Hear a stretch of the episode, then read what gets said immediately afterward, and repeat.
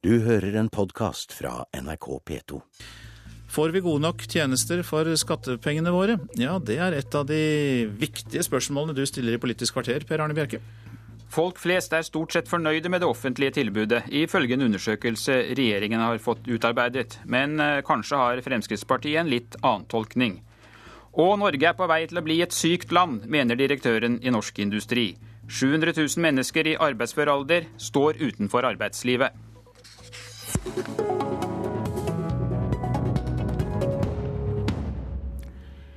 Ifølge den nye innbyggerundersøkelsen som regjeringen legger frem i formiddag, er 96% av oss fornøyde med å bo i Norge. Undersøkelsen bygger på svar fra mer enn 11 000 personer. De fleste er også tilfredse med det offentlige tjenestetilbudet, men med noen veldig klare unntak. Bare rundt halvparten er fornøyde med Nav. NSB og sykehusene ligger også et stykke ned på skalaen. Så det er eh, kanskje likevel ikke grunn til de helt store ovasjonene. Fornyings- og administrasjonsminister Rigmor Aasrud? Jeg syns vi skal glede oss over de tallene som vi har fått i dag. Det er veldig mange gode tall.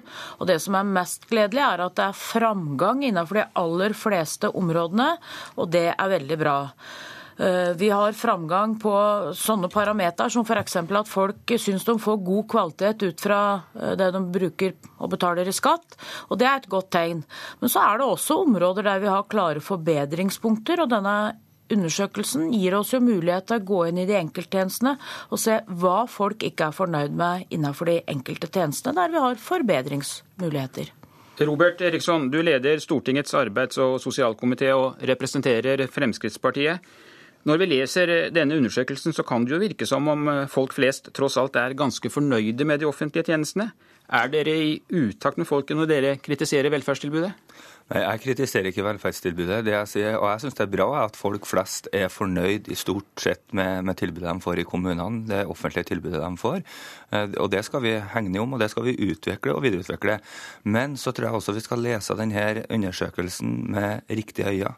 Fordi at de brukergruppene som virkelig trenger de store velferdstjenestene, de som lider av kroniske sykdommer, funksjonshemming, Eh, osv. De møter store problemer i Nav-systemet fortsatt. Eh, det viser også Riksrevisjonen sine undersøkelser. Det viser også eh, pasientombudet sine undersøkelser i forhold til helsevesenet. Så vi har fortsatt mye forbedringspotensial på de områdene som virkelig betyr mye for folk flest. Ja, Åsrud, Folk er jo da misfornøyd med ventetiden f.eks. når det gjelder helse- og omsorgstilbud. og Da er det kanskje ikke så veldig stor trøst i at folk er veldig fornøyd med folkebibliotekene? Nei, men nå skal vi ta med oss det at eh, Hvis du ser på de store sammenhengene her, sånn, så er de som bruker offentlige tjenester, mer fornøyd med tjenestene eller de som ikke bruker dem. Det er jo et interessant trekk.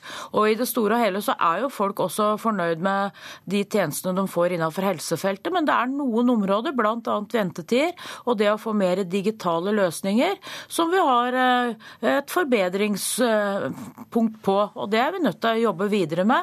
Og så er det jo sånn at Når det gjelder ventetider, ventetider, så er det vi, heldigvis så er det stadig flere sykdommer som kan behandles. Og da blir det jo også ventetider for å kunne få behandling. Mange, mange flere får jo behandling nå, men det er altså stadig nye muligheter innenfor helsevesenet som gjør at uh, det blir noe køer. Poenget her er jo hvor lang tid du må vente. Det er det viktig å ha fokus på. Eriksson? Ja, det som vi også ser, ikke, I går så var jeg på en eh, frokostmøte med FFO. Eh, og Der kommer det klart fram i forhold til de undersøkelser som er gjort her og Rettighetssenteret, at brudd på lovfaste rettigheter for folk med sammensatte lidelser, kronisk syke og funksjonshemma, er fortsatt like stor i dag som det var for ti år siden. Eh, fortsatt så viser den undersøkelsen, og det er jo litt interessant at vi har moderniseringsministeren i, studio her, at det brukes altfor lang saksbehandlingstid. Fortsatt har vi skjema som folk ikke skjønner. Og da synes jeg det er kanskje også på tide at eh, moderniseringsministeren har kanskje noen moderniseringstanker på hvordan man vil forenkle det dette, sånn at tilbudet kan bli enda bedre for de som trenger våre velferdstjenester aller, aller mest. Ja, og det har vi. Eh, vi jobber mye med å digitalisere, gi folk muligheten kunne til å forholde seg til det offentlige gjennom digitale uh, muligheter. Og så er jeg veldig enig med Robert Eriksen at vi må jobbe mye med språket. Folk skjønner ikke alle skjemaene som de får fra det offentlige, og det er noe vi er nødt til å jobbe mye mer med i tida framover. Vi har et stort prosjekt i mitt departement som vi har med oss mange andre departementer på, som heter Klart språk. og det er det mye å hente på. Eh, og vi jobber nå bl.a. med å gå gjennom en del lover for at vi skal få enda bedre språk, sånn at folk skjønner det vi sier. Jo, men Det blir litt for mye sånn se på, vurdere og gjøre. Ikke sant? Når dere har holdt på i 80 år, folk flest opplever ikke at det skjer noe på det området. Det må skje noe. Handling må til. For, folk opplever at det skjer noe på området. De er mer fornøyd med tjenestene. De er mer fornøyd med de digitale tjenestene også. La, eh, Robert Eriksson, nå var statsråden for litt siden inne på at undersøkelsen viser at de som bruker offentlige tjenester jevnt over er mer tilfredse med tjenestene enn innbyggere som ikke har erfaring med tjenestene. Det gjelder også sykehusene og Nav. Hva forteller dette oss? Nei, så er det jo spørsmål hvilke type brukere som man eh, tar kontakt med, eh, og som har svart på det.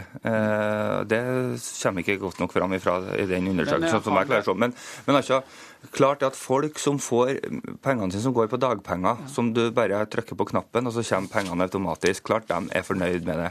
Men de som trenger gode eh, løsninger, som har sammensatte utfordringer, de viser også andre undersøkelser ganske klart og tydelig at man fortsatt er like store eh, utfordringer på det området, og at misfornøyden der er fortsatt like stor som den har vært tidligere. Men kan det ha noe å gjøre med at både vi i mediene og dere i opposisjonen har en tendens til å fortelle om alt som er veldig gærent, og så hører vi ikke alltid om det som går like bra, når det da danner seg et inntrykk at det er så håpløst?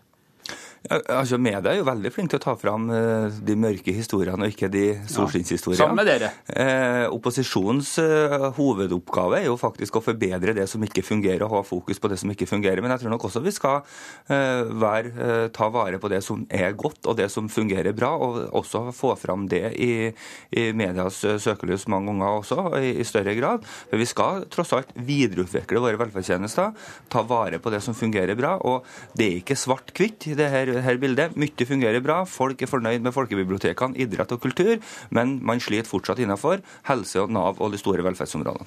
Folk er stort sett fornøyd med de offentlige tjenestene i Norge, men det er forbedringsmuligheter. Og den undersøkelsen vi har gjort nå, gir oss en unik mulighet til å forbedre det folk er opptatt av. Dette er en detaljert undersøkelse som vi skal bruke for å få enda bedre tjenester i tida framover. Takk skal dere ha, Rigmor Aasrud og Robert Eriksson.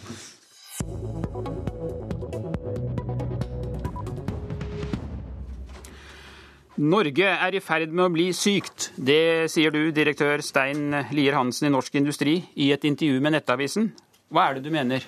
Det jeg mener er at vi har sterke indikasjoner på at vi jobber for lite. Det er for mange som faller ut av skolen. Det er for mange ungdom som faller ut og ikke kommer inn i arbeidslivet, særlig unge gutter.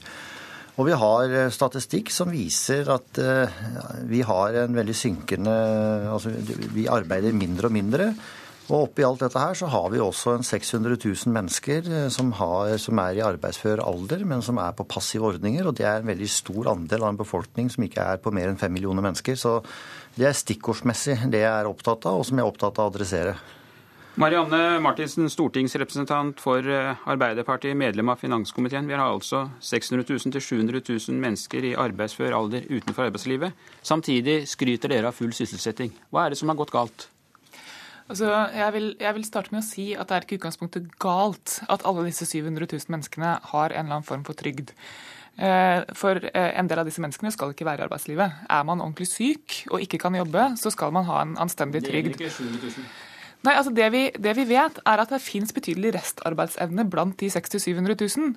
Eh, og vi har hatt en tenking i norsk arbeidsliv som i altfor stor grad har handla om at folk enten er helt innafor eller helt utafor arbeidslivet. Uh, og jeg tror at vi, at vi, trenger å tenke annerledes rundt det. Altså Det finnes antagelig ganske mange mennesker blant de 600 000 som er i stand til å bidra noe. Som ikke kan gå på jobb og yte 100% hver eneste dag gjennom hele livet, men som kan bidra i perioder, eller som kan bidra uh, på deltid. Eh, og Et av de veldig viktige grepene som vi gjør nå, er jo uførereformen. Som skal gjøre det mye enklere å kombinere det å være delvis på trygd og det å jobbe. For vi trenger, vi trenger rett og slett mer, mer sømløse overganger mellom, mellom, det å eh, være på, på diverse ordninger og det, å, og det å være i jobb. Eh, og så har vi pensjonsreformen, som også gjør det enklere å kombinere det å være pensjonist med det å jobbe ved siden av. Og det er veldig viktig. Vi ser nå, eh, etter at pensjonsreformen har begynt å, eh, å virke, at eldre jobber som aldri før. Sysselsettingsandelen blant de eldre øker. Eh, og da vi innførte folketrygden i 67, så, så eh, var man i snitt pensjonist i nesten ti år kortere enn det man er nå. Så dette, dette er viktig, altså. Ja. Men nå er det jo ikke bare antall uh, utenfor arbeidslivet som bekymrer deg, Stein Lier Hansen. Både NHO og Nordea nedjusterer nå prognosene for norsk økonomi. Fastlandsindustrien bygges ned, og ledigheten stiger. Står det egentlig dårligere til enn det vi går rundt og innbiller oss? Ja, jeg mener det. Eh, og det er klart at den enorme eh, verdiene vi har fått gjennom olje- og gassvirksomheten, har skapt et inntrykk av at vi liksom kan opprettholde velferdsordninger samtidig som vi skal jobbe mindre og mindre. Altså Det som er hele poenget her, at det er ikke bare dette med de 600 000 men hvis du ser på gjennomsnittlig arbeidstid, så har den falt fra 1800 timer i årsverket fra 1970 til 1430 timer i dag. Ser du på OECD-undersøkelser, så er nordmenn og norske kvinner de som jobber minst regna i ukesverk. Så det har altså en slags trend hvor en yter mindre og mindre og forlanger mer og mer. Og dette er ikke noe jeg sier sånn uh, aleine. Dette er nøyaktig det samme som er adressert i regjeringas perspektivmelding. Det er nøyaktig det samme en uttrykker bekymring for der. For hele poenget er at den største nasjonalformuen vår, det er arbeidsinnsatsen til norske kvinner og menn. Og klarer ikke vi å få opp produktiviteten, klarer ikke vi å få opp arbeidsinnsatsen totalt sett, så vil vi ha betydelig underskudd i statsregnskapet vårt i 2050-2060. Og derfor så er jo alle enige om at eh, det mest effektive vi kan gjøre, opp med produktiviteten og få flere i arbeid, og vi må jobbe lengre. Det er ikke noe grunn til at nordmenn skal jobbe vesentlig mindre enn f.eks. svensker og finner. Marianne, Marianne Martinsen, står vi nå i virkeligheten overfor valget om å jobbe mer eller å kutte i velferden?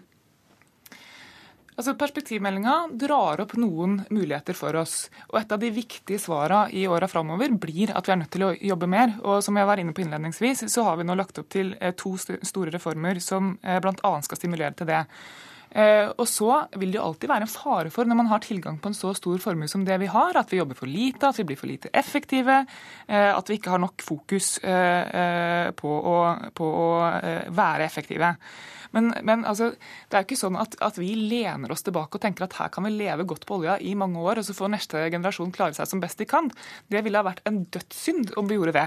Men vi tar, altså, vi tar, ansvar for oljepengebruken. Det er det aller viktigste. Vi forsvarer handlingsregelen. Jeg må si jeg er alvorlig bekymra for hva som kommer til å skje dersom de borgerlige som har et uavklart forhold til oljepengebruken, kommer til makta. Det burde virkelig bekymre Har negativ utvikling skjedd mens dere har sittet med makta i åtte år? Jo, men handlingsregelen sier at vi kan ta, vi kan ta ut omtrent 4 eh, Det er det vi forventer av avkastning. Vi ligger ikke der, vi ligger nærmere 3% og det er ikke fordi at vi ikke er i stand til å komme på hyggelige, artige ting og bruke flere milliarder på men vi gjør ikke det fordi at vi tar ansvar for norsk, norsk økonomi. Vi la nettopp fram en vekstpakke. Eh, som eh, strammer noe til på olje, som strammer noe til på, på, investeringer i eiendom, men som gir skattelette til landbasert industri. For å stimulere den delen av industrien som vi ser har eh, problemer. Vi har Holden 3-utvalget Eh, fordi at vi er bekymra for kostnadsutviklinga som disse bedriftene til Steinlier Hansen står overfor. Ja. Eh, og det å, det å, sørge for at frontfagmodellen som ja. gjør at det er disse bedriftene ja. som er lønnsledende i framtida også, det er eh, Men la, la oss si på dette litt med dette med kostnader. For i andre land så går altså lønningene ned, i hvert fall i flere land. I Norge krangler vi om vi skal ha en vekst i reallønna på 3 eller 3,5% Hvor lenge kan vi holde på med dette, Steinlier Hansen? Nei, Det kan vi ikke holde på lenge. Altså, hvis ikke vi raskest mulig kommer oss ned til en lønnsvekst som er mer sammenlignbar med andre OECD OECD-land, så vil altså kostnadsbasen i Norge, altså kostnadsulempen ved å produsere Norge, bli for stor. Og spesielt ille blir det når vi heller ikke klarer å opprettholde produktivitetsutviklinga. Ser du på velferdsutviklinga i Norge de siste 30-40 åra, så er det jo det at vi har klart å ha en høy produktivitetsutvikling som har gitt oss tre ganger mer velferd siden 1970. Og nå er vi i en situasjon hvor vi ikke lenger er produktive. Vi er ikke så produktive lenger. Det betyr at vi klarer ikke å kompensere høye lønninger med at vi jobber mer effektivt. Det er også en problemstilling. Men jeg har lyst til å si at at eh, ikke sant, de som sitter i finanskomiteen, de forstår dette her. Men vi kommuniserer ikke godt nok ut til folk. altså Blant folk flest så er en oppfatning at vi både kan forlange mer og yte mindre. Og Det er den debatten vi må ta. Jeg sier, at, jeg sier, ikke at ikke sentrale politikere forstår det, men hvor mye har perspektivmeldinga blitt diskutert i det offentlige rom? Hvor, hvor, hvor, sterke ord er vi villige til å bruke for å, for å få folk til å våkne? Er problemet egentlig at oljepengene skaper forventninger som det egentlig ikke er mulig å oppfylle, eller som gjør det umulig for dere politikere å ta upopulære avgjørelser? Marianne Martinsen? Jeg mener at eh, vi har vært gode på å ta upopulære avgjørelser. At vi har gjennomført reformer. At vi har eh, begrensa oljepengebruken til tross for at vi har tilgang på mye penger eh, gjennom, gjennom fondet. Og så vil jeg bare si at Vi, vi har også hatt problemer med produktivitetsvekst, men den styrka seg betraktelig fra 2012 til 2011, og det er et positivt utviklingstrekk som, som jeg mener eh, lover godt for Der må jeg si takk til deg, Marianne Martinsen og Stein Lier Hansen. Det var Politisk kvarter. Jeg heter Per Arne Bjerke. Du har hørt en podkast fra NRK P2.